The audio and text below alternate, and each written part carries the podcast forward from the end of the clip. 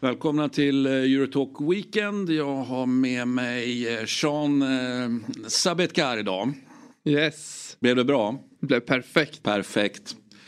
Eh, vi konstaterar här att Sean eh, eventuellt enklare än, än eh, och sen sa du att på persiska ska det egentligen vara väldigt långa an va? Ja det är väldigt långa an. Man brukar, Sabetkar. exakt, exakt. Samuel som, som brukar sitta med dig, han brukar ju alltid Köra vi- långa Ja an. men han kör ju långa an. Han vill ju gärna göra det här liksom, Mm. persiskt så han säger Sabet kar. Eh, Men ja, han är ju den enda. Ja, men trevligt att ha dig här. Eh, vi ska prata eh, fotboll och, och kanske lite annat än fotboll, man vet aldrig. Vi ska, vi ska hur som helst eh, köra Eurotalk Weekend och ni som lyssnar är såklart hjärtligt välkomna. Eh, mm, vi ska titta på vad som hände veckan som gick, eller helgen som gick.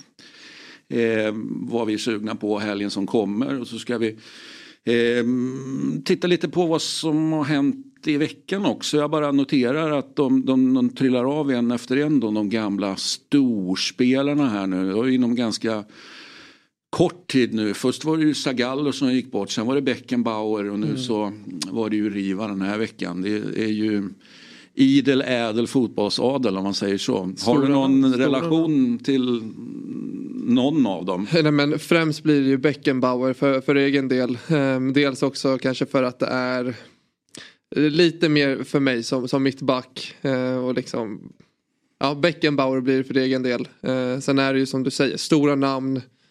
Men Beckenbauer har väl influerat många av mina så här, det var ju före min tid och om jag, om jag kollar på min idol eh, fotbollsmässigt då. Sergio Ramos, han, han drar ju upp Beckenbauer som, som en av spelarna som har inspirerat honom. Eh, så att han främst då, av de tre som du nämner. Ja. Snubblar faktiskt över en, en uh, Beckenbauer-historia. Inte för att jag skulle läsa om Beckenbauer jag höll på att läsa en bok om en, en, ja, en gammal italiensk sportchef helt enkelt. Så vi är på Eh, Eh, vi är på både 50 och eh, 60-tal och där är det ju faktiskt så att eh, en 20-årig Frans Beckenbauer han kritar ju faktiskt på för Inter och sen så stänger italienska förbundet gränsen och då liksom ja då går ju affären upp i rök eller kontraktet man, man fullföljer ju inte då. Men eh, han kritar på för Inter 1965. Så nu vet du det. Det vet jag. Det hade varit rätt häftigt och det var ju ett eh, väldigt försvarsstarkt Inter på den tiden. De var ju berömda just för att vara vad många tyckte var, ja, men det här är ju, det här är ju liksom hur försvarsstarkt som helst och hur tråkigt som helst.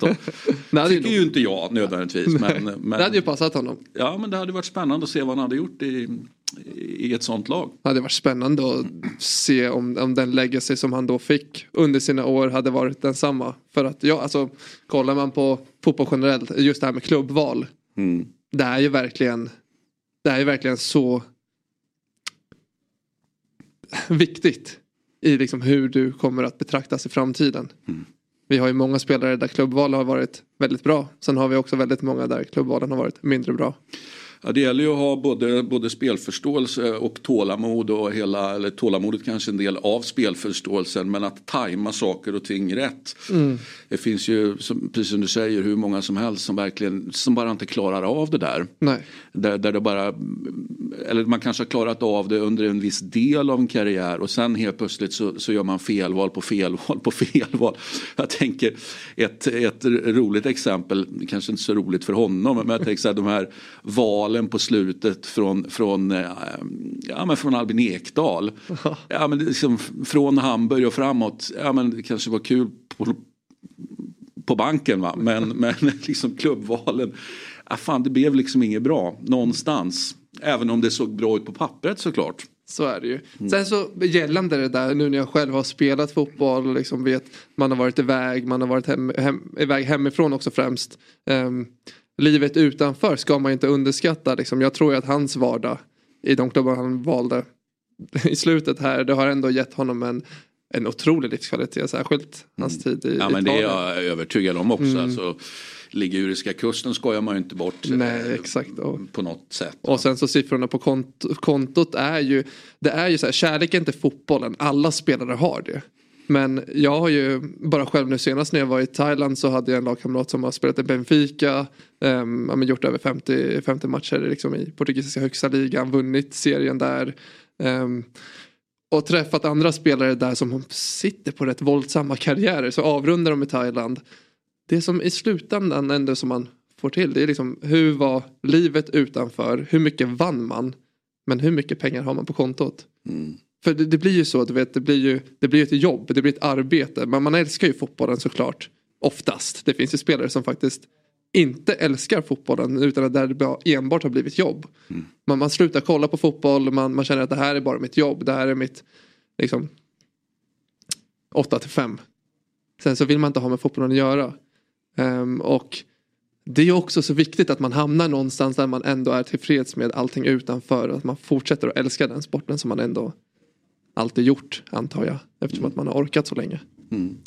Vad, ehm, du spelar själv fortfarande eller, eller du, du är in between eh, klubbar kanske? Ja precis, så nu är jag ju in, in between lite karriärsval i övrigt och, och lite annat. Det vill eh, säga sluta eller, eller, eller inte sluta? Det Nej, me mestadels geografiskt vart jag kan hamna, mm. vart jag kan, just det här med livskvalitet eh, blir viktigt för mig. Jag har haft en, nu ska vi inte komma in allt för mycket på, på mig och, och på min egen karriär men senaste åren har varit lite tuffa med att ha en fästmö eh, ifrån. Vi har haft långdistans och lite annat. Och mm. Då hamnar man där till slut där, där man känner att och sen dels måste jag ju säga också att jag har ju spelat i klubbar nu på väl, senaste åren där jag inte har vunnit så mycket. Mm. Och då tappar man ju kärleken också. Du vet jag, man slåss för livet varje år. Man klarar kontraktet, man har den dagen man klarar kontraktet. Det, det, man är high on life. Det är liksom absolut bästa man kan känna. Men 364 dagar annars så är det liksom kniven mot strupen. Det är ångest. Det är stress framförallt. Eh, och säga vad man vill. Fotbollsspelare säger att man älskar att vara i de här situationerna. Ja, absolut. Men inte när det sker sex år i rad. Så att jag vill hitta en lösning -huh. där jag kan börja vinna fotboll igen och börja börja känna den känslan. Jag bara tänkte det och då har du ju ändå spelat, eh, alltså merparten här, den absoluta merparten är ju i mm. Sverige då. So, yes. Av de här sex åren du beskriver som mm. under stor stress. Jag tänker, tänk dig då att, eh, att ha gjort det, i, jag, jag bara tar Italien som ett exempel. Mm eh, att spela i motsvarande var en av dem som liksom krigar mm. eh, där pressen är ännu större. ännu större. Jag menar, I Sverige är ju pressen inte, alltså jag förstår att den finns där men den går ju inte att jämföra. Det går klart. inte att jämföra och det, det, här är någonting som jag bara på, på åtta senaste månaderna fick så annat perspektiv på där jag liksom Tidigare har det varit så enkelt att sitta till exempel i sådana här sammanhang och tycka och, och känna ja, men det kan inte vara så svårt att tjäna dina pengar. Äh. Men jag har fått ett helt annat perspektiv på, på egentligen mycket gällande fotboll och jag respekterar många svenska spelare som är utomlands som gnuggar och liksom går från lag till lag, land till land. Man kastas in i länder där man inte har någonting. Man har ingen trygghet, man har ingenting. Men de löser det. Man, man tränar, man, man, man jobbar hårt eh, och så ska man försöka hitta pusslet utanför också. Det är inte så jävla enkelt som man tror. Trots att pengarna kommer in på kontot. Mm. Eh, vi är ju mitt uppe i ett transferfönster också. Det ja. tar jag för givet att det intresserar dig. Ja, det gör det verkligen. Eh, någonting eh, speciellt hittills som du ja, men håller ögonen på eller någon, någonting som har hänt eller mm. någonting som inte har hänt. Nej men precis och jag tar ju vidare du säger där det som inte har hänt. Mm. Eh, kollar man nu ska vi prata såklart eh, Europa men med Sverige, fönstret jag har under mina år som, som fotbollsspelare inte varit med om ett så som avvaktande fönster. Eh, det kan finnas anledningar här. Det finns ju såklart det här med att det är nya agentregler som kanske sätter lite spärrar. Jag, jag tror ju ändå att man jobbar runt de reglerna på ett eller annat sätt. Ja det måste jag säga. Eh, ja. Det tror jag också. För de reglerna eh, som har kunnat på något sätt sätta käppar i hjulet. Ja. De, eh, de har ju inte uppfunnits än. Så Nej, men precis. Säga. Nej, men så är det ju precis. Och sen så vet jag ju de facto också att det är många sportchefer, många klubbar som ja, man kanske inte ska säga det men de skiter ju i det. Eh, så. Man jobbar runt det helt enkelt och hittar lösningar. Eh, så det ska man ge dem, lösningsorienterande. Mm. Det, det är mm. många i beslutsfattande ja, positioner. Ja, men måste bara säga att det här fönstret, om man kollar generellt då, absoluta toppen, det är ju ett ersättningsfönster. Det är ju klubbar mm. som, som hamnar i lägen där de behöver ersätta, det är spelare som skadar sig, man är i sämre situationer och behöver få in nytt blod. Eh, eller så är man i toppen. Och, men det har varit ett väldigt avvaktande fönster och det speglar sig även neråt i hierarkin. Och det är därför i Sverige som många säger att det är inte så mycket som händer. Men det är just för att Europa har det varit ett avvaktande fönster hela januari. Vilket ju jan januari av tradition är. Mm, det är precis. ju ett reparationsfönster ja. helt enkelt. Så att det är ju i sig inte speciellt konstigt. Nej, nej. Eh, är det så att du behöver göra stora grejer mm i januari då är ju det, ja det är inte ett gott tecken i sådana fall. Nej. Det kan ju dels bero på skador. Så, så kan man säga, ja men det kan man aldrig, ja på något sätt, det, det kan hända. Det be, mm. Då behöver du inte ha begått något misstag. Men sen har vi ju såklart om du behöver göra stora grejer som inte är relaterade till skador. Ja men då har ju du som sportchef inte levererat överhuvudtaget. Om du behöver liksom verkligen ändra om saker och ting. Eller mm. om du har en lagdel som inte alls fungerar. Eller mm, ett mittlås som inte fungerar. Apropå att du är mittback. Ja, men precis. Nej, men jag tycker bara generellt att eh, i år är ett av de åren som har varit väldigt minst aktivitet. Eh, så, för jag har ändå insatt och jag tycker att det är roligt och jag har kontakt med väldigt mycket agenter internationellt också som gör fina övergångar till klubbar hit och dit. Eh, men det har varit avvaktande. Vi får ju se de här sista dagarna vad som händer. För det kommer ju också göra en påverkan i de nordiska länderna till exempel. Eller länderna som har mm. lite förlängda eh, fönster då. Vilken eh, liga då, tar vi bort den svenska då där mm. du är verksam. Men vilken, vilken eh, ja, jag tar för givet att det är någon av de stora ligorna. Vilken mm. liga är, liksom, känner du är din? Eller ja, nej, följer du, du följer rubbet mer eller mindre kanske men ja. du, du har hjärtat någonstans eller? Ja, hjärtat är ju Spanien. Eh, mm. Hjärtat är i Spanien och jag har ju genom åren, det kan jag inte sticka under stolen med att Real Madrid har ju varit min klubb. Eh, men eh, samma där, du vet när man tar sig själv i sin karriär så det är svårt att ha det supporterskapet på samma sätt och då får man, då kollar man lite mer man har en annan överblick på ligan och man, man tycker om de här små lagen. Du vet, jag känner för jag känner för Cadiz som liksom kämpar för livet. Jag känner för de här lagen för jag kan typ relatera för mig själv och vart man själv har varit. Och de här lagen som har mindre, med små medel som lyckas lösa det. Och då kollar man mycket, vad gör de? Hur jobbar de? Mm. Eh, vad är det för sportchefer som sitter där? Vad, vad tar de för aktivitet? Ja, vad, vad, är det för sportchef som sitter i Cadiz? Ja, det har jag inte koll på. Det ska jag vara helt ärlig och säga. Jag har inte koll på nej, det. Jag bara tänkte ja. kanske att det var ett, en, ett case som du var lite ja, in, intresserad av. Men är det någon annan, eh, vill inte prata sportchefer nödvändigtvis, mm. men eller, eller, så behöver vi visst det för det är kul att prata sportchefer. Mm. Men är det något, eh, alltså någon, är det någon, någon affär eller någon klubb som har agerat på ett visst sätt? som du tycker är intressant hittills Nej, men... under det här transferfönstret. Även om det är avvaktande så har det ju ändå hänt grejer. Det har ju hänt grejer och alltså, jag kan ju bara tala för jag har ju sån inblick i Real Madrid. Jag tycker alltid så fruktansvärt roligt det här med Florentino Perez och hur han agerar i form av, han, jag ska inte kalla honom sportchef, han är mer businessman och allt han gör eh, finns ju en långsiktig tanke på. Men jag blev väldigt förvånad över att man inte har valt att signa spelare eh, det här fönstret i och med att man har långtidsskador på nyckelspelare som Courtois, man tog in Kepa här och det var ju en semibra lösning. Jag tycker ju faktiskt han har varit fruktansvärt dålig under hösten här i Real Madrid. Och eh, Andrei Lunin har ju faktiskt tagit eh, första platsen där mer eller mindre. Eh, nu, nu låter han båda spela typ varannan match. Eh, men det är, en, det är en dålig värvning. Men Courtois långtidsskadad, Militao långtidsskadad, eh, Alaba skadad. Eh, det är ju ändå bärande spelare som man tänker att man kanske behöver få in nytt eh, inför liksom stundande Champions League-spel och även slutspurten i La Liga till exempel. Mm. Men eh, de väljer, de avvaktar där också. Man, man, man tror på man tror på spelarna, han, han byter Ancelotti byter ju spelare, spelares positioner hejvilt också. Han spelar ju Chouameni, tar ner honom som mittback även fast han inte vill det. Um, Kamavinga, han tar ner honom på vänsterback. Det var ju han som loopade in för att uh, till och med att franska landslaget då fortsätter att använda honom som vänsterback trots att han öppet säger att det här är inte en position som jag vill spela på. Eh, men som fotbollsspelare blir du satt någonstans så är det bara att gå ut och prestera. Mm. Är det något annat, eh, någon annan klubbs eh, transferfönster som du har, någon tanke bortsett från Real Madrid? Då? Ja, jag tänker eh, främst egentligen på, på Sevilla. Eh, det finns ju väldigt mycket att prata om gällande Sevilla senaste år. Det har ju varit ett förfall utan dess like. Det har ju varit väldigt mycket problem. Dels ekonomiskt. Man diskuterade ju förra året att man satt i så pass stora ekonomiska problem. Kan de, kommer de bli liksom avstängda från ligan i och med att de inte löste ekonomin.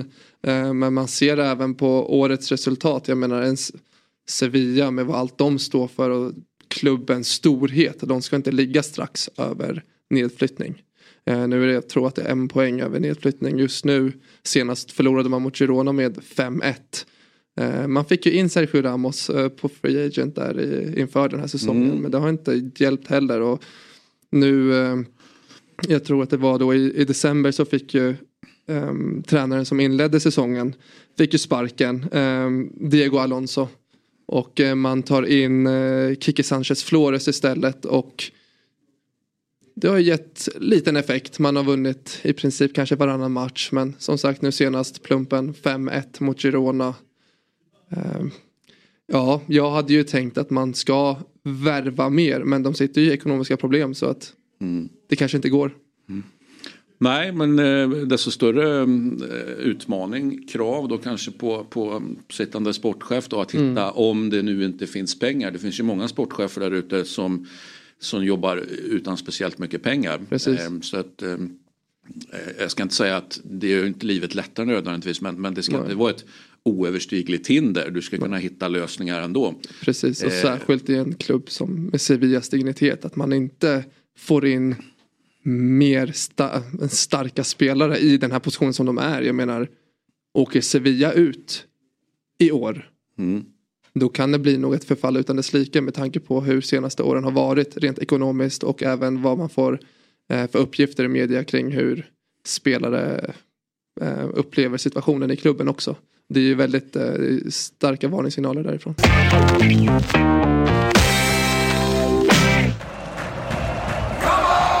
Den är här nu. Commons nya sportsbook med en av marknadens tyngsta betbuilders. Nya spelare får 500 kronor i bonus. Nu kör vi!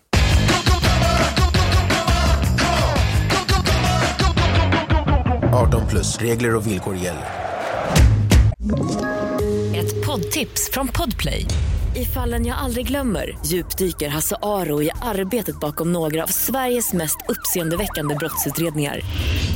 Går vi in med hemlig telefonavlyssning och, och då upplever vi att vi får en total förändring av hans beteende. Vad är det som händer nu? Vem är det som läcker? Och så säger han att jag är kriminell, jag har varit kriminell i hela mitt liv men att mörda ett barn, där går min gräns. Nya säsongen av Fallen jag aldrig glömmer på Podplay. Come on! Har du eh, tagit till dig, vi pratade i förra programmet, eh, Fabian jag var det väl förra förra veckan. Ehm, det blev ju en del Mourinho, det blev en del De Rossi. Va, mm. va, har, har, har, du, har du vibbat in ja, ja, förändringarna precis. i Rom? Ja men precis, jag lyssnade ju på, på ert program där, eller ert avsnitt. Och ni kom ju in lite på det här med, med att ha före detta spelare som lopas in i sådana här situationer och vad som finns för fördelar, eventuellt kanske då nackdelar också med det. Um, kollar man bara på Mourinho situationen så känner jag, jag har ju alltid gillat personen Mourinho och jag tycker ju att den kritiken som är idag att han är bedrövlig, att han är sämst hit och dit. Jag tycker inte riktigt det är befogat. Eh, någonstans så känner jag för att han inte har det finns två sidor här. Som tränare så måste du hänga med i utvecklingen. Du måste kunna liksom, hitta nya idéer. Du måste kunna hänga med i utvecklingen hur fotboll spelas idag. För det, han kan ju inte göra på samma sätt idag som han gjorde för tio år sedan. Eller som han gärna, han nämner ju alltid Porto-tiden och vad han mm. gjorde där och mm. hela, den, hela den grejen. Eh, så att den sidan så tycker jag att i och med att han är ändå en sån framgångsrik tränare. Han måste bli bättre på att kunna hänga med i utvecklingen i hur fotboll spelas. Eh, och det har han ju inte gjort men någonstans kan jag ändå gilla det. Mm. Att han står fast vid det han tror på men det innebär ju också att han gör kanske sämre resultat och att han då får all kritik som faktiskt kanske är då befogat om man kollar resultatmässigt. Och vi är ju en resultatorienterad bransch så att eh, ja, det är väl att den kanske är befogad men jag känner för honom. Känner du för De Rossi då? Som spel, alltså, det, det, verkar som att svaret var nej där. Nej men det är inte nej för att eh, jag kan tycka att det är mm, Jag kan Rent det taktiska kan inte jag säga någonting än.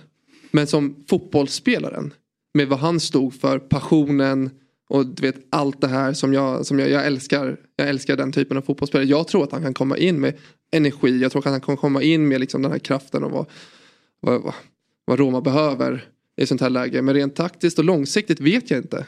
Det där är jag orolig. Hade du, tar man exemplet med Xabi Alonso. Hade Xabi Alonso kastats in det första han gjorde i sin tränarkarriär. Att komma in i en sån här situation så hade jag trott mer på det. Men det är för att jag utgår lite efter hur de var som fotbollsspelare. Mm. Och det kanske är fel. För tar man exempel Rydström, han gick runt och sparkade ner folk och var bara allmänt grisig. Men i dagsläget är han en, en av Sveriges mest um, liksom, eh, hypade tränare med, med all rätt. För att han är väldigt taktiskt begåvad. Så jag är lite så här tudelad. Man brukar ju alltid säga det att det är, är jag ska inte säga att det är en stor majoritet men att det är minst lika ofta som en en, en, en, spelare som blir tränare och som spelare var en, en viss typ eller kanske mer teknisk. Man, man förväntar sig kanske en viss typ av fotboll som tränare sen blir helt annorlunda eller man mm. uppfattar helt annorlunda. Yeah. Så det, det, det, jag kan bara hålla med där. att yeah.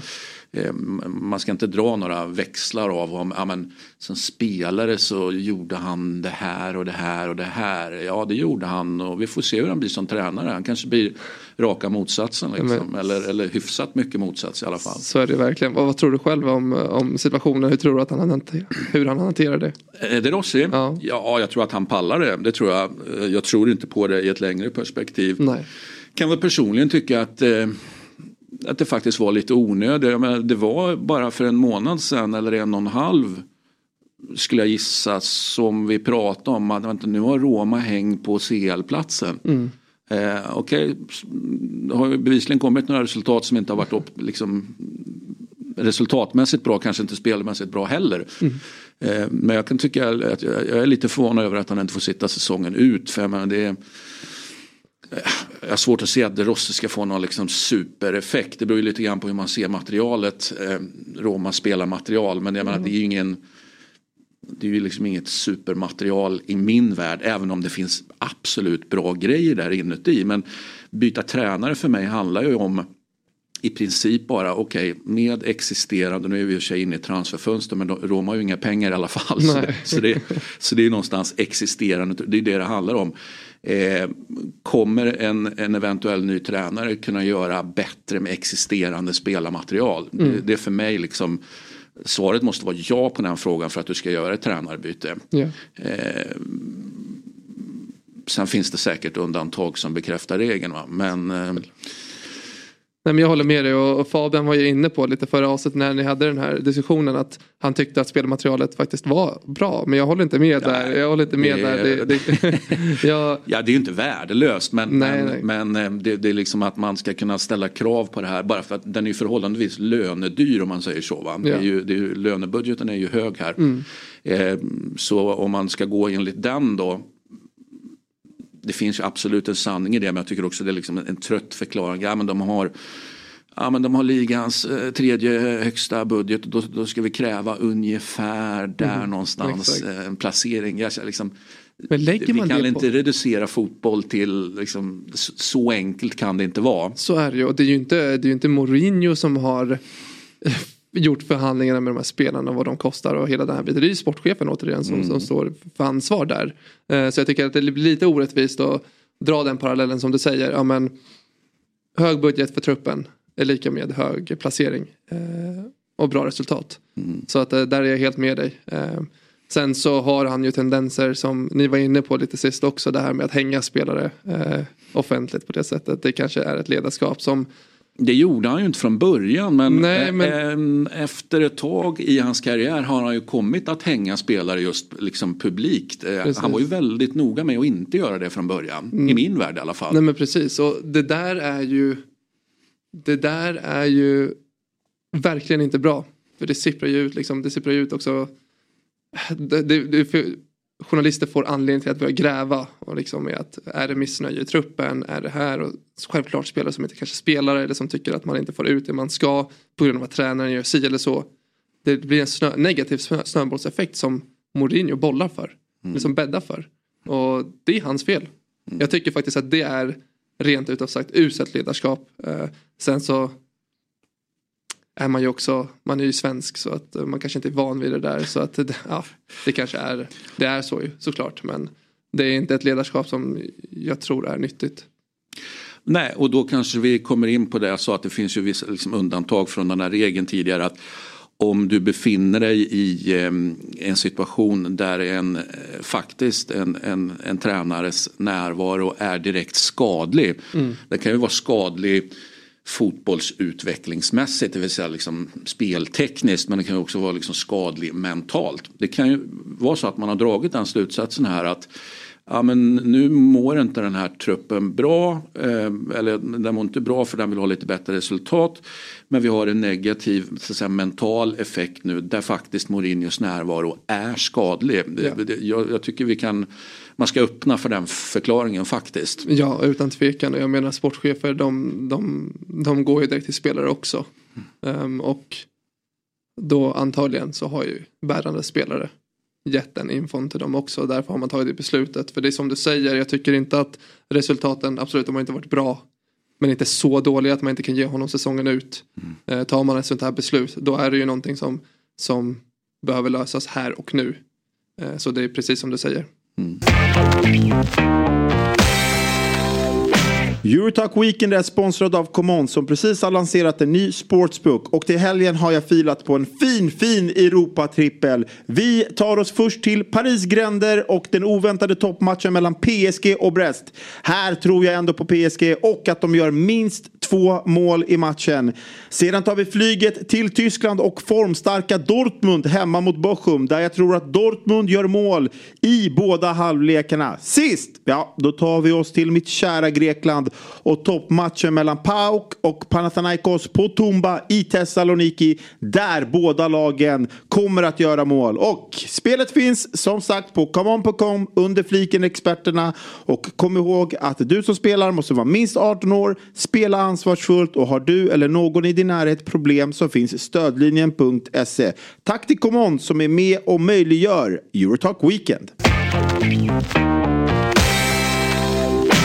Du eh, tog med dig en, eh, några punkter eller en lista eller jag vet inte hur, hur du vill beskriva det men eh, jag var lite nyfiken på om du kunde ta med någonting vad du håller eh, himla tjat här om vad vi håller, eller vad jag håller ögonen på den här säsongen. Men det, det, det var en av ingångs, eh, så säga, punkterna vi hade. Bologna har ju varit en hjärtefråga för dig i år. Bologna har ju varit, eh, ja, eh, hjärt det vet jag inte. Det, det, men men ehm, det jag fascinerar mig väldigt mycket. Så kan vi säga. Men vi säger hjärtefråga, det kan vi ändå. Ja, nej men eh, Thiago Motta då.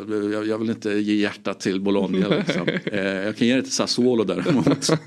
Eh, men du har med några punkter vad du ska hålla koll på eller vad du mm. håller koll på nu. Ja. Liksom, nu är vi ju på andra halvan av säsongen så att ja. säga. Men nu när det ska vinterspurtas och vårspurtas. Eh, vad eh, håller Sean ögonen på då? Ja, nej, Extra precis, noga. Precis, och i och med att Spanien då blir fokus eh, väldigt mycket för mig. Jag tycker att det är väldigt ja. roligt. Så jag kan ju inte, det går ju inte att sitta här och inte diskutera duellen som blir då mellan Real Madrid och Girona. Vem hade trott det innan säsongen? Jag menar, det var ju prat om att ja, men de har startat säsongen bra, de kommer tappa det. Och sen så gick det tio matcher ja men de har en bra tredjedel, första tredjedel men de kommer börja tappa det.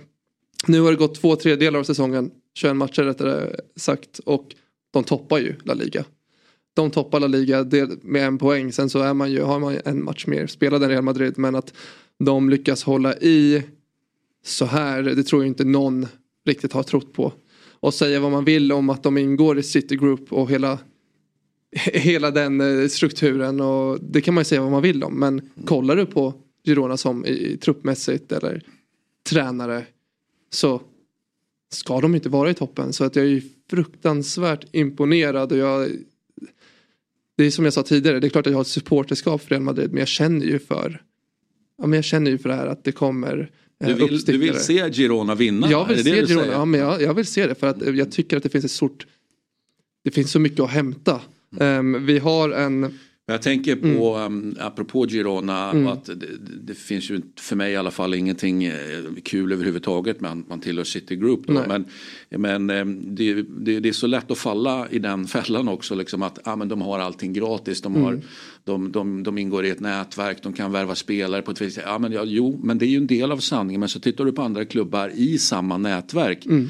Vi har Palermo, bara för att ta ett exempel. Ja, men vi krigar ju för att komma upp från eh, serie B. Mm. Troyes eh, har åkt ner i, från högsta ligan Precis, i Frankrike. precis. Liksom. Så jag menar, det, det är inte så att ja, men, ja, vi är med i City Group, vi, vi kommer att nå stora framgångar. Det är inte självklart. Det är inte självklart. Det finns förutsättningar Ja. som, som är bra. Scoutingnätverk då gissningsvis kanske den stora USPen då. Mm. Kanske att du kan få låna någon. Det är klart att det finns rejects, alltså spelare som inte platsar i, i, liksom i startelvan i Mm. city eller kanske har svårt att ta en plats i truppen. Ja men de är ju såklart jävligt gångbara i Nej, andra klubbar. Va? Vi mötte ju, eh, nu när jag var i Thailand så mötte vi Mumbai eh, som Mm. tillhör då, de är i City Group och de, det var bara så sjukt, det är klart att det var så väsentligt mycket sämre nivå såklart men jag tycker ändå det var häftigt att de eh, försöker göra samma saker och man ser det på alla de här lagen, det gäller Girona också, de spelar ju med en inverterad ytterback som kliver in som en extra mittfältare och hela den här taktiska grejen som jag tycker att City Group ändå är har en röd tråd i. Ehm, jag pratade även med tränaren där efter matchen. Vi var på träningsläger och de var där då. Ehm, de hade ju hämtat en tränare från Australien som hade tidigare varit i Melbourne. Som också tillhör City Group. Och han, han nämnde det att alla tränare i City Group de, de, de träffas i någon form av här konferenser. De diskuterar, de har en röd tråd. Ehm, men det här är ju tränare som inte har egentligen bra tränarkarriär egentligen. Utan det är, de, de rekryterar på ett sätt i City Group som jag tycker ändå är intressant. Eh, om jag bortser från allt som, som du sa där med att ja, det är klart det finns pengar. Det är klart att de har ett nätverk. Men de gör rätt saker ändå på, på de här nivåerna som man kanske inte tänker på främst. Um, kollar man på tränaren i, i, i Girona nu, Michel, han, han är så taktiskt begåvad. Det kan man ju, det kan man ju se i, i form av hur de spelar. Det är ju väldigt likt eh, Manchester City och dylikt. Men um, han känns väldigt jag tycker att människan Michel är också han har ju fått väldigt mycket strålkastare såklart med tanke på att de har gjort så mycket bra resultat. Men han, har, han är ju född i Madrid, från Madrid. Uh, men har då Girona lägger ju utkanten Uh, eh, från Barcelona så det är ett kat- katalansk klubb. De pratar ju katalanska där så han har ju gått och lärt sig katalanska Eh, på väldigt kort tid. Eh, I princip perfekt för att liksom embracea kulturen, embracea vad de står för. Så jag tycker ju inte att de tar bort om man kanske jämför med Red Bull och hela deras koncern då. Så tycker jag att de fortfarande försöker få fram klubbens identitet och vad de står för där geografiskt då. Eh, lokationsmässigt. Så det tar de inte riktigt bort utan de försöker istället framhäva den. Ehm, men även deras spelarvärvningar. Det är ju bara att kolla på Artem Dovbyk. Vet du vem det är? Ja, vi hade en diskussion om honom i, i senaste, inte eh, senaste weekend, men senaste vanliga Eurotalk där jag, mm, eh, det var just diskussion om, och det var en diskussion som landade i, eh, för mig landade den i huruvida man, man tror på östeuropeiska spelare eller Ja, inte. precis. Jag, jag har av tradition väldigt svårt att göra det. För jag, har blivit så besviken så många gånger. Och, och jag bara känner att det är någon det är någon tid som måste gå här efter, och det har ju såklart med, med järnridå och kommunismen och så vidare. Ja. Det måste gå tid där. Är det en generation, 30 år eller liksom vad är det som behöver hända för att det ska inte bara men speltekniskt är, är, är de ju klockrena. De är Mm. fantastiska fotbollsspelare. Verkligen liksom topp, topp. Mm. Men sen är det ju den där med skallen som inte riktigt hänger med. Va? Nej. Så ja, vi hade en diskussion om honom då. ehm, och jag var väl den som var mest negativ då. Ja. Vad är du negativ kring? Nej men alltså, vi, vi hamnar i den här diskussionen att ja, men, självklart blir han köpt nu för han, är liksom, han, han gör det här för bra. Mm. Eh, och det var min take då, liksom, ja, men, men vilken klubb är så dum så att de köper honom då? För jag menar, det, det kommer inte gå så här bra. Nej, men sen så kan, man kan ju vända på det lite så här att absolut, jag, hör vad du säger. Sen så gjorde han ju sina tre mål nu på sex minuter mot självaste Sevilla med Sergio Ramos. Och mycket var så här, men hur kan man göra ett hattrick på, på, på Sevilla med en Sergio Ramos där på sex minuter och 33 sekunder hit och dit. Men han har ju faktiskt gjort eh, nu var 14 mål och 5 assist på 21 matcher. Innan det eh, i Dnipro så öste han ju in mål också två år tidigare. Um, så han har ju ett våldsamt, uh, han har en våldsam statistik. Han har gjort över fem, ja, han har gjort 52 poäng på 67 matcher de senaste tre åren. Mm. Uh, så att jag tror ju att jag hör den, att du tror på honom i Jag tror fall. på honom. Jag, jag, när jag sitter och kollar på honom, där det finns fysik, det finns en viss snabbhet, det finns den här touchen också som funkar så bra i, i Spanien. Han, han är bra. Han är bra men sen ska man inte bara snöa sig in på honom utan de har ju Savio på, på kanten som levererar väldigt mycket fint till honom också. Han är ju bara 19 år från Brasilien. Um, skickade ju upp Navas, Jesus Navas uh, upp på läktaren här flera, flera gånger under matchen nu senast och gjorde tror jag två assist senaste matchen. Och han uh, har väl gjort ungefär 12, 12 poäng uh, på de här matcherna nu. 19 år. så det finns väldigt många där som, som är intressanta.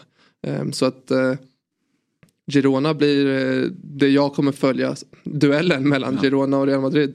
Det toppar helt enkelt. Ja. Vad, vad har du eh, näst på din lista? Har ja, du något mer? Ja men precis. Jag har... Eh, denna liksom Även jag tycker ju att det här är en häftig batalj, absolut. Ja. Men, men alltså den, och den ska ju bara kunna sluta på ett sätt. Ja, den ska ju det. Så att, men det är också lite häftigt att de har ju tangerat klubb, klubbrekordet i antal poäng tagna eh, redan nu efter 21 matcher. Det, bara det är ju häpnadsväckande, eh, kan jag ju tycka.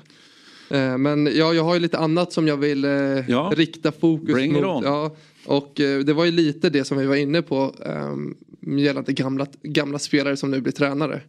Eh, och då vill jag ju ändå, det går ju inte att eh, se förbi och det har ju ni diskuterat tidigare i, i Eurotalk men eh, Xabi Alonso, vart hamnar han? Ehm, jag har ju alltid varit fast troende troende att han kommer hamna i Real Madrid. Men nu förlängde ju Real Madrid avtalet med Ancelotti till 2026. Det var ju väldigt starka Ja men det var ju väldigt så här, stark och tro på att Xabi Alonso tar ju över Real Madrid i, sommar. Eh, nu har han haft sin inkörningsperiod där han började väldigt smart måste jag ändå säga. Att de, han var i Real Madrids ungdomslag. Eh, han var i Real, i Real Sociedads B-lag. Han har fått sin inkörningsperiod. Han har ju själv sagt att han gärna ville få tid att lära känna sig själv som tränare och sina idéer. Lite som Fabian Ahlstrand nu som tar över Karlberg. Va? Så han vill ta ett juniorlag för att göra sin grej. Men jag, jag tror faktiskt det finns en väldigt stor vinning i det. För då har du ett, två, kanske tre år där du kan lyckas implementera och testa dina idéer. För att alla duktiga tränare har ju sina speciella idéer och tankar eh, för att bli så stora som de blir. Det är bara att kolla på Pep Guardiola. Jag menar 85 procent av eh, alla tränare ute i världen vill ju spela som, som han gör. Men nu är ju vilket ju är hur tröttsamt som helst. Det är tröttsamt. Alltså, ja, det är tröttsamt.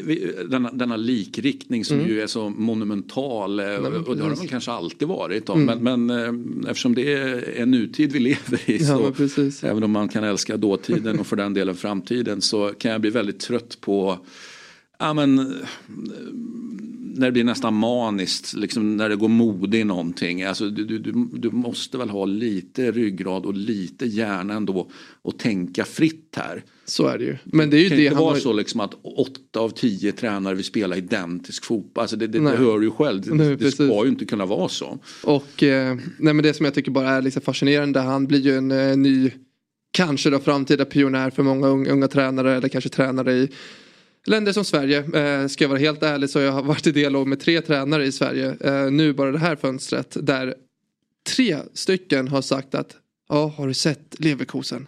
Jag tänker att vi ska spela så här. Så att eh, jag, jag får ju lite känslan att har du sett Ajax? har du varit och besökt akademin? Ja men, ja, men så ska vi spela. Ja. ja det, det, det vill säga this year's model brukar man ju prata om. Ja men det är Bayer Leverkusen nu. eller så är det Brighton och De Serbi. Eller så är det Thiago Motta Bologna. Ja det precis. finns ju ett par va. Men precis. Leverkusen är högt på listan och men, kanske toppar listan. Jag tror att den toppar listan. Jag tror att det här kan bli en framtida liksom, pionjär eh, i, i tränarkategorin. Eh, sen ska ju vi, vi pratade ju om Mourinho tidigare. Man måste ge, ge honom den. Han var väldigt eh, tidigt ute och sa att jag tror att Xabi Alonso kommer att bli en eh, mm. riktigt bra tränare. Och anledningen var ju Han sa ju dels i hur han förde sig på plan när han själv var spelare. Eh, hur han var. Men också att hans, eh, jag vet inte, har du koll på hans pappa? Hans pappa har ju vunnit La Liga tre, tre gånger tror jag. Du menar att det är bra gener här? Eller? Precis, bra, bra gener. Själv varit, hans pappa har själv också blivit tränare. Sen så får man inte underskatta att Xabi Alonso har ju haft fantastiska tränare att ta influenser från. Alltså allt från Mourinho, bollade ju upp sig själv där såklart. Eh, men Mourinho, han har haft Ancelotti, han har haft Guardiola. Eh, man har haft Benitez i Liverpool och han jag, är, det, är, det, nu jag får säga då att jag är lite trött på det där att tittar man på vilka tränare han har haft så, så är det inte så konstigt att man tror att han kommer att bli... Det där tror jag är en, en, en, en det är ett resonemang som jag inte köper helt nej, enkelt. Men, men om du är skarp som fotbollsspelare, jag menar 85% är ju inte skarpa men är du, nej men säg 95% är ju inte skarpa men har du, är du en av de där 5 procenten och faktiskt mm. under åren tänkt på och liksom försökt ja, men, ta till dig det på riktigt mer än att bara sitta och lyssna på eh, matchgenomgångar eller analyser. Men då är, du ju långt, det. Eh, då, är du ju, då, då är du mycket mindre än 5 procent. Om du säger att du ska ha tagit till dig det på riktigt. Ja, men jag, jag tror ju absolut att han är. Då är du nere på 1 procent eller Ja men säg 1 procent. Jag vill inte bara överdriva lite som Fabian kan göra ibland när han pratar kring saker. Men om man säger att han är den 1 procenten. Då tror jag att det finns ett väldigt stort Eh, en, en stor sanning i det. Att han faktiskt har teletöjs och liksom influenser här och där och gjort det lite till sitt egna. För jag menar sättet han spelar på är ju inte riktigt likt Guardiolas eller Ancelottis utan han har ju tagit lite parametrar från, från dem. Det kan man ju se influensmässigt. Mm. Så jag tycker bara det är intressant. De har ju, jag menar de har inte förlorat en enda match i år. Um, och jag menar ska de gå en hel säsong, nu kanske de gör det till slut men det är ju väldigt häftigt och eh, det är klart att man fortsätter att hålla koll där. Ehm, så att det är en av, en av mina punkter då som jag har du, har du någon mer då? Jag har en nu som vi, är lite... Vi har, eh, vi har tid för, mm. för, för fler punkter. Ja, jag har en nu som jag tror att du kanske blir lite, lite irriterad över ändå. Eh, lite smått. Och det här har inte så mycket kring, det här är inte taktiskt, det här är inte tränarmässigt eller så. Utan det här är faktiskt en ny trend som jag har en spaning kring. Ehm, det är att eh, det är att fotbollsspelare går ut och spelar matcher med oknutna skor. Om jag säger det, kan du, kan du bolla fram någon spelare som du direkt uh, tänker på? Uh, nej, uh, men jag noterar ju att de ser ut som badtofflor, alltså rätt mycket nu jämfört med när jag spelade. Men det är ju jävligt länge sedan å andra sidan. Då, då var det ju då var ju skor skor. Det är ju, och då menar jag inte bara färgmässigt och så utan materialmässigt. Men det, så är det ju inte längre. Så att jag är väl egentligen inte förvånad. Eh, ja. ja, för jag, Gavi fick ju väldigt mycket ögon på sig från Barcelona att han har spelat med oknutna skor. Men hade en spaning att jag såg Valverde här om för några omgångar sedan att Valverde i Real Madrid springer runt där i oknutna skor. Jag tänkte det här kan ju inte... Man måste ju, liksom, man måste ju trampa ur då. Alltså, men de måste mm. sitta så lös och det finns ingen logik i det. Men så gick jag in på hans, jag gjorde en semispaning och gick in på hans sociala medier. Så ser jag att han tränar med oknutna skor, han spelar matcher med oknutna skor. Och, och tror fan att jag är i Thailand och att en spelare springer runt i oknutna skor. Och jag är så här, jag frågade honom, why? Han sa, it's nice, it's nice, you know better, it doesn't feel like you have shoes on. Men alltså, ärligt. Vad är det här? Vad är det för någonting som, som, som börjar hända här? Så jag tror att det här är en spaning som jag tänker hålla koll på. Det är många unga spelare där ute som nu ja, springer ja. runt i oknutna skor. Alltså jag blir, jag blir, jag blir, jag blir irriterad. Jag ja, ja, men jag känner också att jag blir irriterad. Jag blir, jag blir mörkrädd också. Och, jag, och jag tänker på jag förstår ju att det finns någonting som heter materialutveckling. Det, det, det är såklart att det gör. Men, men så hur, kan, hur kan man ha på sig dem på ett vettigt sätt i en, det, det är trots allt, det kan man ju sig undra ibland om det är en kontaktsport, det är fotboll men, ja. men eh, det finns ju en viss fysisk aspekt onäkligen då. Men vet du vilken spelare som eh, då har, sägs vara lite eh, pionjär där då som, ja men, en stor spelare? Som tyvärr inte finns med skorna idag. Här. Ja, med skorna.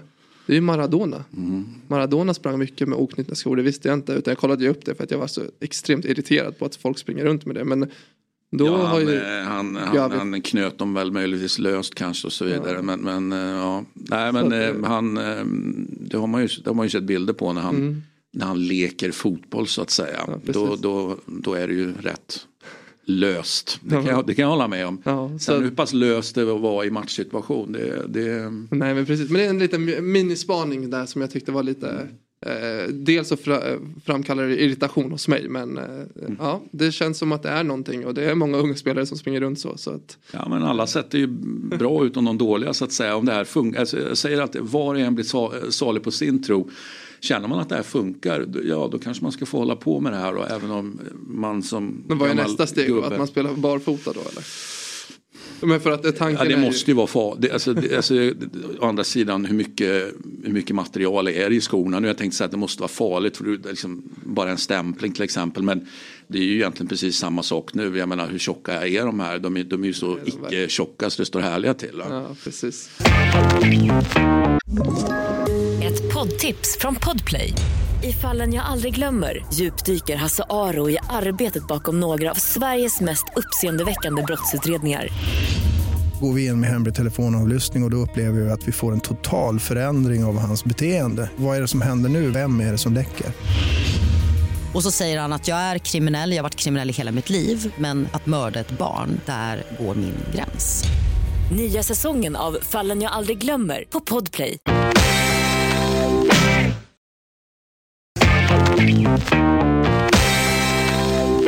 Jag har en punkt till och det är lite så här, ja, men absolut jag har ju min, jag är lite bias där eftersom att jag har en tidigare lagkamrat som har gått dit och, och det är Christos Gravius som eh, gick då från Degerfors nu, eh, hans kontrakt gick ut och hamnar i Chalité. Som eh, Sabri ville att jag skulle uttala korrekt så jag vet inte om jag riktigt gjorde det. Så han landar ju i grekiska andra ligan här i ett lag som ligger etta just nu i grekiska andra ligan. Eh, de eh, befinner sig i Aten ehm, så att han har flyttat dit. Och så då valde jag att grotta in mig lite där och tänkte så här, varför gick han dit? Eh, jag pratade även med agenten som, som tog honom dit. Han ville ju också såklart sälja in det hos mig lite så här, men kolla jag tog honom dit, det är ett jävla häftigt projekt. Och jag hade inte koll på det här projektet om jag ska vara helt ärlig. Eh, men lite intressant projekt, det är amerikanskt ägt. Ehm, det kan man ju tycka lite vad man vill om. Men eh, enligt Sabri så är det ju väldigt så här. Du behöver ha en korrekt ägare annars tar du inte dig uppåt. Eller du kan inte etablera dig i Grekland på det sättet. Men ägaren där eh, är ju Är det grekiska rötter på ägaren? Nej, utan det han har gjort som är smart är att han har tagit in en president då som är eh, som har grekiska rötter, amerikan också. Han är ju den som har varit eh, ansvarig för hela produkten av eh, Venezia. Och liksom allt det uppsving de har fått medialt kring hur deras tröjor är och liksom allt det här som inte egentligen rör fotboll men som faktiskt ger uppsving för en förening. Jag menar Venezia har ändå lyckats fått någon form av hype kring sig. Mestadels dock för sina tröjor. Eh, Jag vet inte riktigt vad du tycker om det. Nej, jag, jag ty- tycker att nu, nu råkar jag tycka om orange. Så att, eh, alltså, bara där eh, har de mig någonstans. Ja. Så att, eh, men jag noterar nu att Venezia är ju faktiskt eh, som eh, Niederauer som är ägare och president där. Han sa Ja. liksom, det var ju väldigt, var ju, sa han ju redan innan transferfönstret att eh, under, redan under hösten här att det, det är väldigt viktigt nu att vi eh, under transferfönstret, för han fick ju frågor om det skulle förstärkas och så vidare i Mm. spelartruppen. Nej men vi måste ha en ny partner, vi måste ha en ny delägare alltså. Ja, Så att eh, Venezia har att göra. de har att göra. Så Så att, att, eh, men det, men eh, Charitea blir ju nu eh, lite projekt för mig att följa. Eh, det blir lite eh, på grund av lite, jag är ju biased. Men eh, det är lite intressant. Andrew Barroway som är nu den ägaren då. Jag hade ju tidigare Arizona i NHL. Så han vet ju säkert vad han håller på med. Han har fått in nu då. Eller vet han det? Nej, han, men han, vet, han vet vad han, vad, han, vad han tror att han ska hålla på med men så kommer eh, det gamla Europa och, och dess fotbollssystem och, och biter honom i arslet kanske. Ja men precis men han eh, får ju ändå in eh, människor som har varit aktiva i Europa nu i Venezia tidigare som han då för över dit. Och de ville göra samma koncept där att de gör det här till lite hype kring klubben, gör fina matchtröjor, gör det till ett lite det är lite äckligt dock men de gör det till en produkt, ett fint varumärke så han vill ju etablera Karitea till eh, ja, men i alla fall en eh, topp 5-klubb i Aten. Eh, han börjar ju ändå smått, det är inte så att han slår till stort och säger för mycket fina ord eller att han har en framtidsvision som är orimlig. Sen att Sabri tycker att eh, det är katastrof. Det är vad det är. Men han visste ju inte ens vad projektet innehöll innan jag pratade med honom. Nej, det, det, det är inte bra. Nej.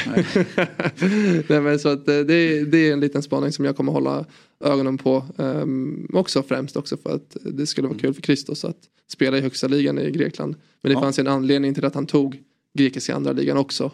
Um, så att de värvar fint där. De värvar mycket sydamerikanskt. Um, jag kollade in lite så att från, från Serie A i Brasilien. Jag går ju i alla fall igång på att det är en, en andra liga. Det, Ja. det är man ju genuint svag för per Mm. definition. Va? Så Men där- arenan där- också, du hade gått igång på arenan. Det var att gå in och googla efter. Det är liksom, Mm. det är en läktare.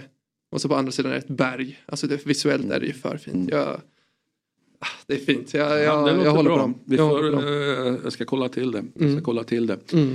Eh, nu ska vi kolla till eh, matcherna här. Eh, ja, den här helgen. Ja. Eh, och eh, vi brukar ju börja då med eh, ja, det där Premier League som så väldigt många är intresserade av. Men de spelar ju inte så mycket Premier League utan det är ju eh, cupfotboll där. Ja.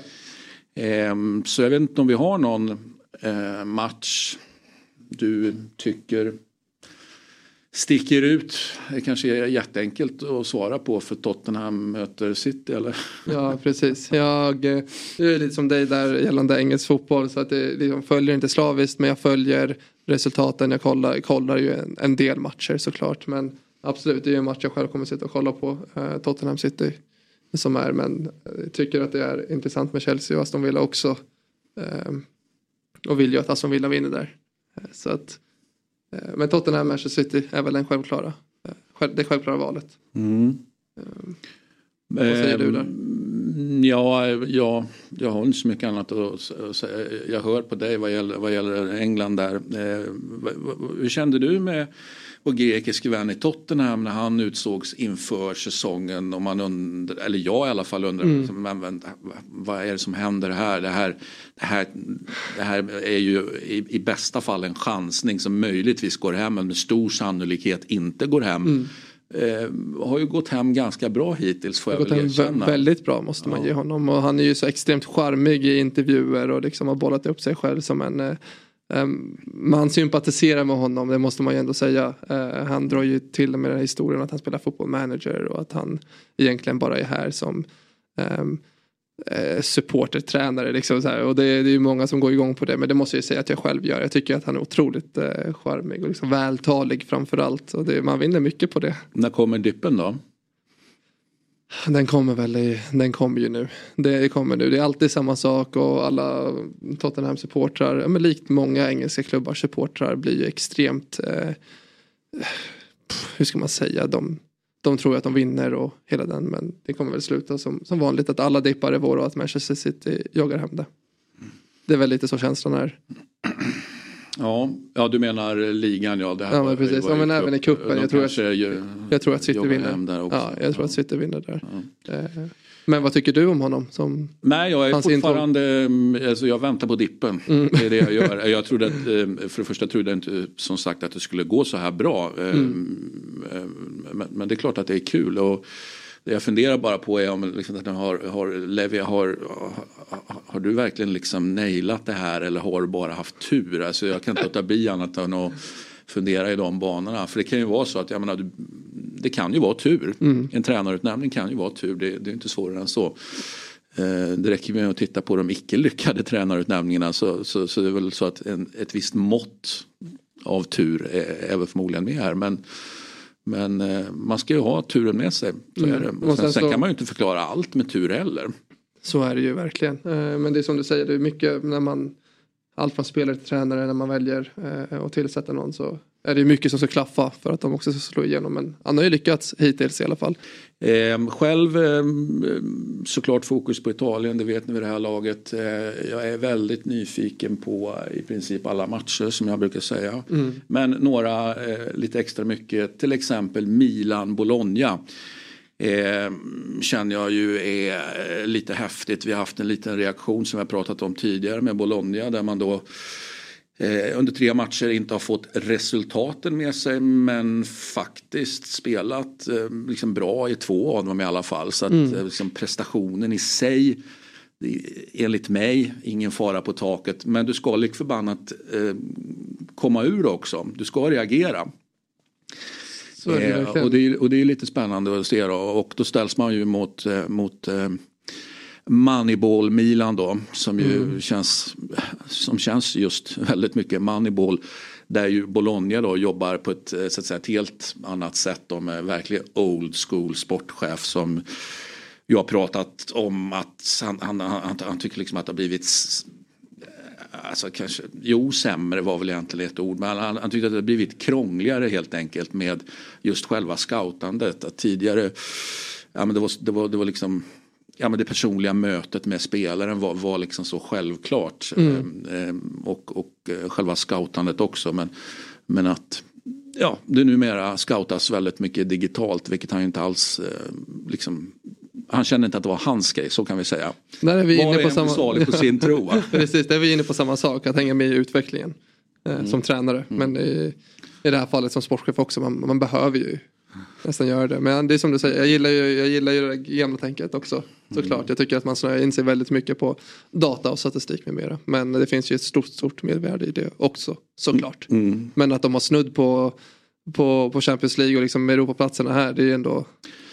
Det tycker Ja, och, och det, det blir ju häftigt att se nu för nu är det ju hans eh, en, två, tre, det är hans fjärde fönster nu så han kom Mm. till Bologna. Så nu börjar du Liksom, man, man kan alltid diskutera var gränsen går. Ett första fönster, ja du kan ju kräva någonting av ett första fönster men du kan ju inte kräva allt av ett första Nej, fönster. nej, du, det är trots allt du bygger över tid. Ja. Eh, och du, du har saker att reparera lite grann på eh, på ett januarifönster och så får du en sommar till. Ja, men då kan du flytta fram positionerna ytterligare och så får du ett januarifönster till och det är där vi är nu med Bologna. Så det är väldigt eh, fascinerande att se hur han fortsätter och, och liksom flytta fram positionerna. Sartori då som han heter, sportchefen. Ja. Eh, man har i alla fall eh, jobbat in en mittback, jobbat ut en mittback, skickat iväg Bonifazi och en ung eh, Balkanspelare i, i Ilic. Så, så vi får väl se. Eh, då med andra ord, som du konstaterade tidigare, inte hänt så mycket utan det, det är liksom ett fåtal förändringar bara. Ja, det, är, det är Ehm. superintressant. Det är superintressant match också. Eh, för att jag är lite, så, jag är lite inne på, på den grejen, när kommer dippen? Alltså när slutar de liksom haka på eller hänga på där uppe? Men jag, Alltså menar du Bolognas dipp Ja. eller menar du Milans jag dipp? tänker på eh, Bologna främst. eh, För att jag tycker ju inte att, jag tycker att spelmaterialet är bra. Men det är ju inte Champions League bra enligt min take på det. Men, men eh, ja, som den fotbollsromantiker man är så hoppas man ju på det. Nej, jag håller alltså det, det, det ska ju inte kunna räcka. Men, men det kan ju vara så att vi har en helt eh, Alltså, du pratade tidigare om en helt ja, men, fantastisk tränarprestation när du pratade om, om eh, Girona. Eh, det kan ju vara samma här att Thiago Motta, ja, men, han är mitt uppe i en tränargärning här som Mhm. bara är liksom fantastisk. Eh, här och nu i alla fall. Det kanske Mm. inte är fantastiskt nästa säsong, det vet vi inte. Och framförallt vet vi inte var han ska vara nästa säsong. Nej, för han har ju fortfarande inte förlängt. Och det skrivs ju väldigt mycket om honom. Eh, Mm. Vilka klubbar är det som, som du tror att han är, liksom, potentiellt kan hamna i? Ja, jag, jag, jag trodde ju, eh, alltså jag tror att han, han kan, han är ju i en position just nu i alla fall där han kan välja och vraka. Mm. Sen är det ju så att har han spelat i vissa klubbar som är rätt tunga så kan säga hur, hur lätt är det att få jobbet i Inter, Barcelona, PSG då Mm. för att ta de tre. Eh, innan Luis Enrique satte sig där i somras i PSG Mm. så, så eh, trodde jag att eh, Thiago Motta mycket väl skulle kunna hamna där. Nu får vi väl se hur det går i Champions League och annat och eh, Luis Enrique är ändå en tränare av en viss kaliber som jag tror Mm. mer på än på de tidigare tränarna som jag så att säga fått lämna. Men jag tror han skulle passa alldeles utmärkt där. Och jag tror han skulle passa alldeles utmärkt i, i Barcelona. Absolut göra det bättre än, än Xavi. Det, det finns ju ingen diskussion. Det kommer han Mm. självklart göra. Och han sitter ju dessutom väldigt löst eh, där borta. så Ja, att- så den känns ju logisk. Sen om han, ah, han, han, bör vara intresserad av. Jag tänkte säga det. Det beror på vilken ekonomisk situation och så Barcelona är i. Den, den har ju varit lite bekymmersam. Men mm. det finns ju ändå en existerande spelartrupp. Även om de behöver hyvla den lite för att komma ner i kostnader. Jag, jag kan inte säga att jag kan de mm. ekonomiska detaljerna. Men även om de skulle behöva göra det så är det klart att han skulle kunna göra någonting väldigt fint med, med Barcelona. Inter. Ja, tycker jag är jättespännande för Inzaghi. Ja, men det är klart att de är bäst i ligan, mm. så är det ju bara. Så är det. Men om han bränner ligatiteln en gång till för tredje säsongen i rad och han sitter med bästa laget. Jag menar, då måste man ju få gå. Alltså det, det finns ju inte på kartan att du kan få stanna. Och men nu, nu, har du ju bollat, nu har du bollat upp de här tre som, som potentiella um, Ja, han får jättegärna komma har... till Arsenal om det. men, men liksom nu... Ja. Var, vart skulle du, om du får ta fram språket, var tror du att han lyckas bäst? Vart skulle du vilja att han hamnar? När du själv bollar upp det på det här sättet som du gör. Nej, men jag ser en, en stor poäng i, ehm, för jag tar någonstans för givet att um, att Luis Enrique, alltså det kommer ta lite tid och eh, alltså jag skulle vilja, jag, jag, vill faktiskt se honom i PSG. Det är Sen, så pass? Ja, jag, för jag tror han kommer göra det väldigt bra. Jag tror att han, att han är precis rätt tränare, alltså mer rätt tränare än Luis Enrique då för att vara tydlig. Mm. Och jag tycker att Luis Enrique är ett, ett jättebra val där.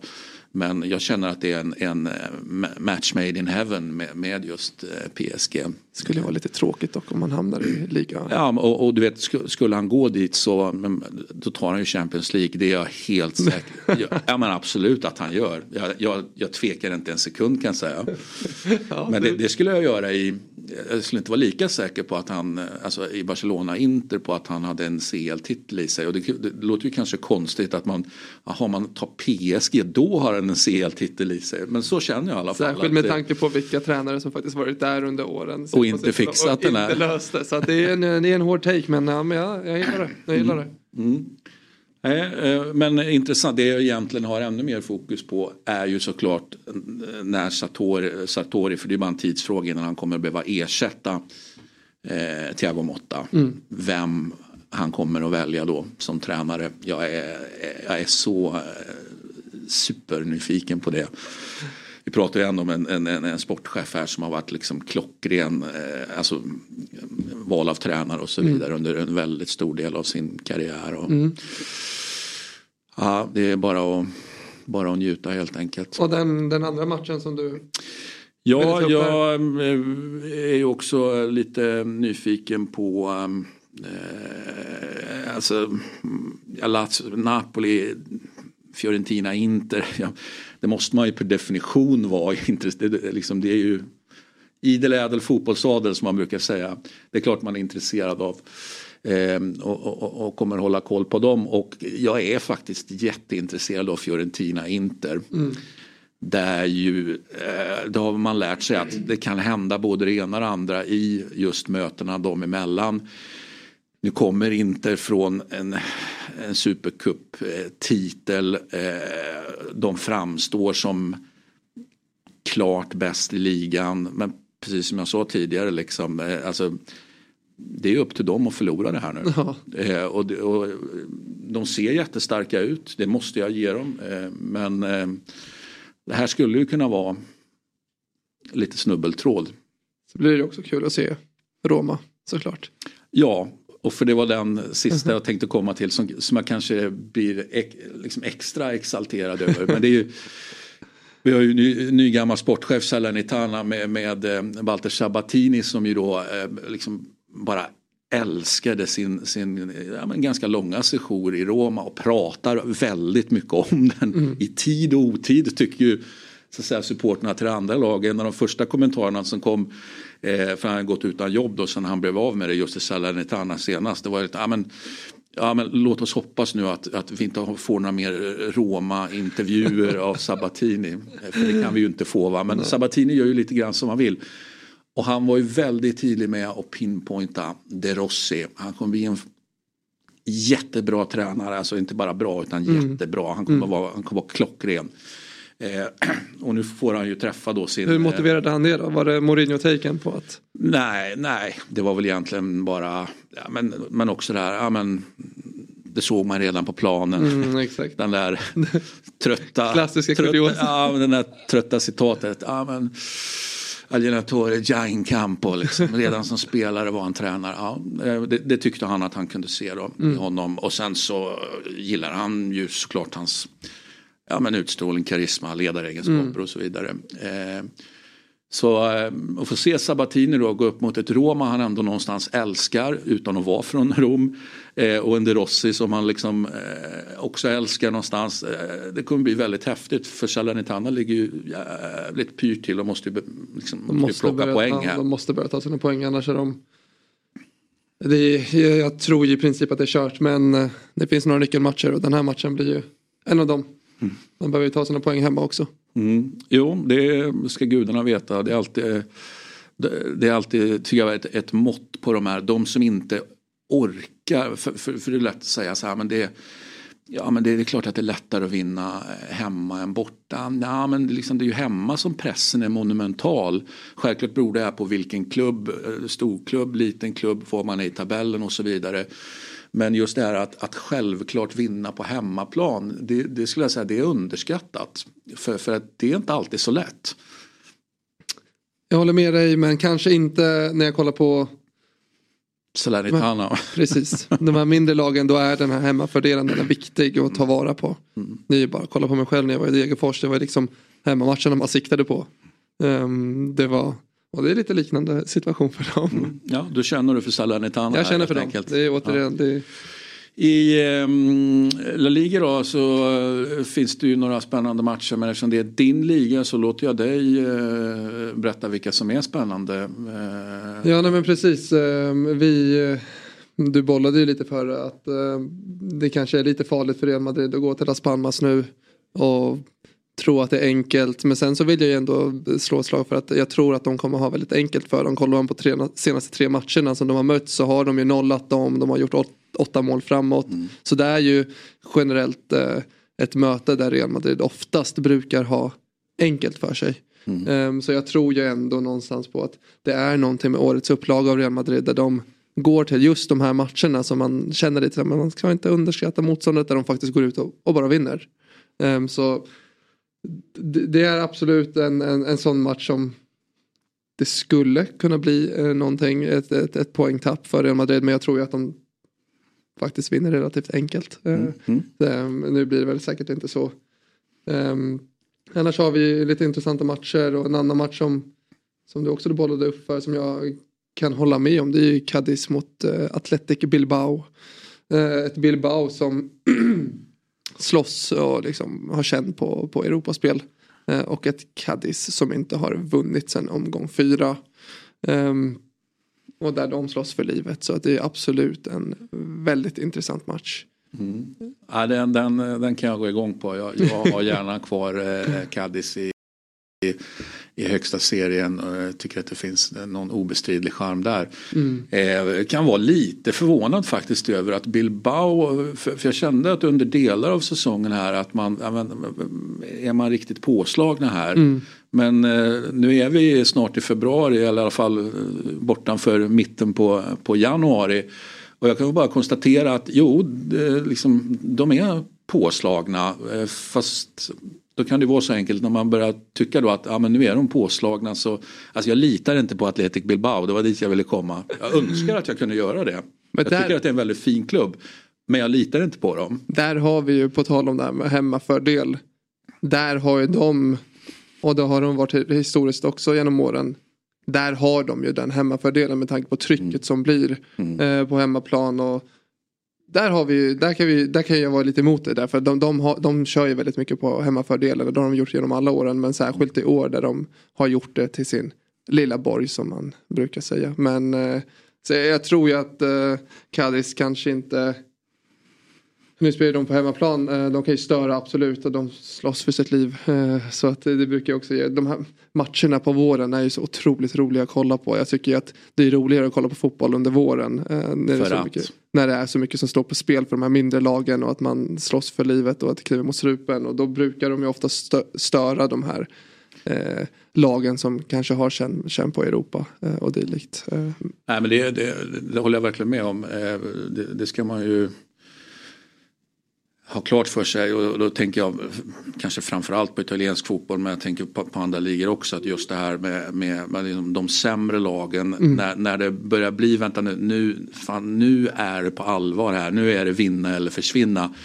Så helt plötsligt så, så, så, kan du hamna här, jaha, det, liksom typ tre bottenlagen fullpoängar mot, ja, eh, alltså, det händer grejer där. Händer grejer. Och så kan man ju vara intresserad, men, liksom, men, men, varför kunde inte det hända under hösten då liksom? Men, men det är ju någonstans inbyggt i, inbyggt. i systemet höll jag på att säga. Ja, så är det. Och sen så måste man bara säga att Bilbao har ju tagit vara på att Ehm, det finns lag på liksom nedgång. Vi, snackade ju Sevilla tidigare som oftast brukar vara på de positionerna som Bilbao nu har tagit. Men så har vi också Atletico Madrid och ett Barcelona som ja, för den eh, dignitet som de, de, de har som förening och klubb så de, det, det är rätt dåliga säsonger som de, de står för just nu i alla fall. Mm. Eh, så de har ju tagit vara på, på läget i att det är många. Och det ska man ju göra. Det är dumt att inte Nej, göra men det. Precis, eh, så att, eh, det måste man ge dem. Jag menar de, de är på samma poäng som Atletico Madrid nu, en poäng bakom Barcelona. Så det är klart att de känner att det finns möjlighet och chans och det ger dem extra, extra motivation och extra kraft till att gå ut och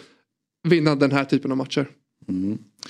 Ja, men då vet vi hur de två matcherna slutar. Då. Mm. De, de verkar vara, vara de lättaste att, att sätta resultatet till. Ja, men precis. Men sen så ja. tycker jag ändå att Sevilla och Osasuna, jag väntar ju bara på att det ska vända för dem. Men jag är ju väldigt... Du tror att det kommer vända? Jag hoppas på det. Jag, jag har slutat tro lite på att de kanske, för det ser verkligen inte bra ut. Jag menar jag satt och kollade senaste matchen nu när de torskar med 5-1. Och det, det, det, är ett fullständigt haveri där borta. Eh, så att det finns en stor risk att de kanske inte lyckas vända på det här. Eh, nu har de gjort det här tränarbytet och har gett en viss effekt absolut men det ser fortfarande väldigt dåligt ut. Eh, tränarbyten är, är, ju intressanta. Ja, det, är liksom att ett bra tränarbyte, förlåt att jag upprepar mm. mig, eh, jag har sagt det tidigare men jag säger det igen bra genomfört, eh, genomtänkt tränarbyte får ju omedelbar effekt. Sen har man den där effekten, alltså, och det ska ju helst resultera i någonting spelmässigt och, och mentalt. Och det ska resultera i poäng. Ehm, det, är ju liksom de här två, två positiva. Sen är de direkt misslyckade. Men de kan vi ju liksom sålla bort då. Ehm, men det gäller ju att få med dig poängen också. Även om du kommer in och, och du känner att ja, men nu, nu är laget spelmässigt i princip tillbaka. Liksom. Det är bara lite som saknas. Men kommer inte poängen så blir det väldigt jobbigt. Mm. Um. Nej, och i en klubb som Sevilla, det, de har mycket emot sig just nu. Det är liksom supportrarna gör faktiskt det de kan. De har inte gått emot dem än på det sättet som man kan göra i de här länderna. Eh, så att jag väntar ju på att när supporterna tappar det då blir det Då tappar de det rejält. Ja, och då blir det en ruggig uppförsbacke för de har ändå haft tålamod där borta. Mm. Eh, men sen så vet ju de också om klubbens problematik senaste åren. Eh, men det känns som det här är verkligen, det, det kan gå riktigt illa för Sevilla. Eh, Valencia var ju i en liknande situation för några år sedan och nu har de lyckats på något sätt stabilisera det. Eh, men de hamnade ju där där supporterna var. Jag och Samuel var ju på, på en match där de faktiskt mötte Sevilla eh, i Valencia och de förlorade och det var det var en riktigt märklig känsla på, på arenan. Liksom hela publiken gick emot laget, publiken gick emot tränaren. Alltså det var, ah, vi snackar ju liksom 40-50 tusen som bara häver ur sitt missnöje. Det är liksom någonting man kanske inte har sett. Eh, man ser ju inte det på samma sätt i, i Norden eller Sverige till exempel. Men det var, det var kul. Eh, så att ja. Det kanske behövs att supportrarna börjar gå och vända sig emot på riktigt för att det kan ju också ge en effekt på det. Ja exakt i vissa lägen det, det, det, men det är också väldigt svårt att sia på förhand. Mm, sen efter att det har skett, ja, men då, är det lätt, kan jag tycka, då är det lätt att göra analysen. Mm. Men det är verkligen två sidor av, av myntet här. Liksom, men så det bara inte komma. Jag tror ju känslan av att här, Absolut, men Sergio Ramos är ju en favoritspelare hos mig och vad han, vad han står för. Och liksom, det fanns inte på världskartan. Jag tänkte att han kommer komma in nu att de, jag tänkte att han lyckas ju få in någonting i truppen. Men han verkar mer intresserad av att posta bilder på sociala medier än att faktiskt prestera just nu. Så att man är ju ruggigt besviken på honom också. Eh, det förstår jag. Eh, och eh, lika vackert som det är när, de, när spelare liksom efter en lång och förhoppningsvis framgångsrik karriär då, vänder hem. Ja, det, det, blir ju nästan alltid fel. Det blir fel. Det, det, det är vackert men det blir, alltså det, är bra, det är bra tänkt, det är vackert tänkt. Mm.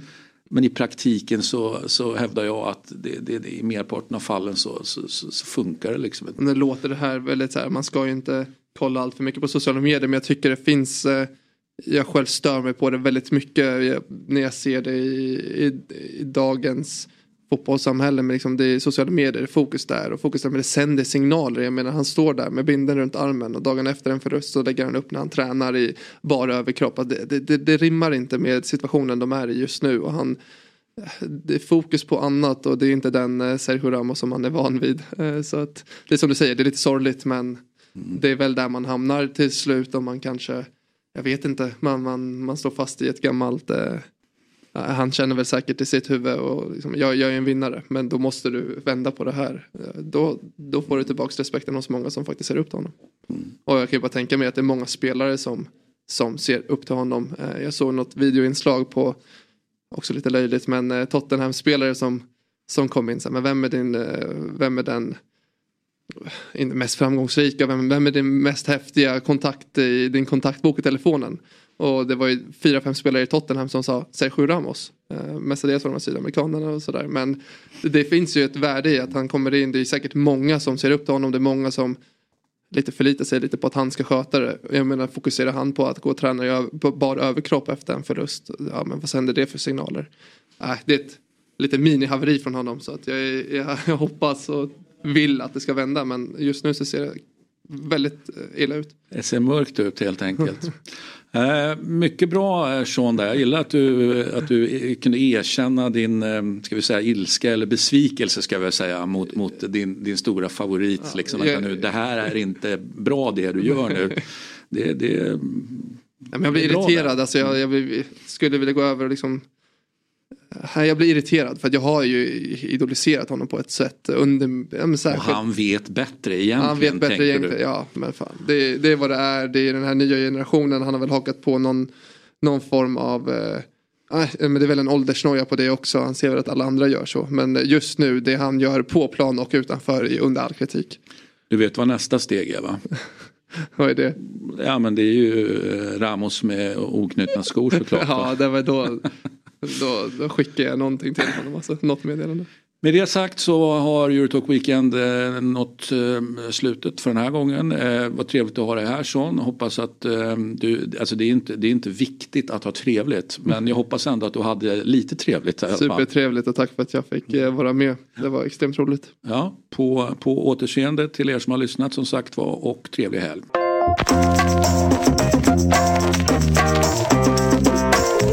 Ett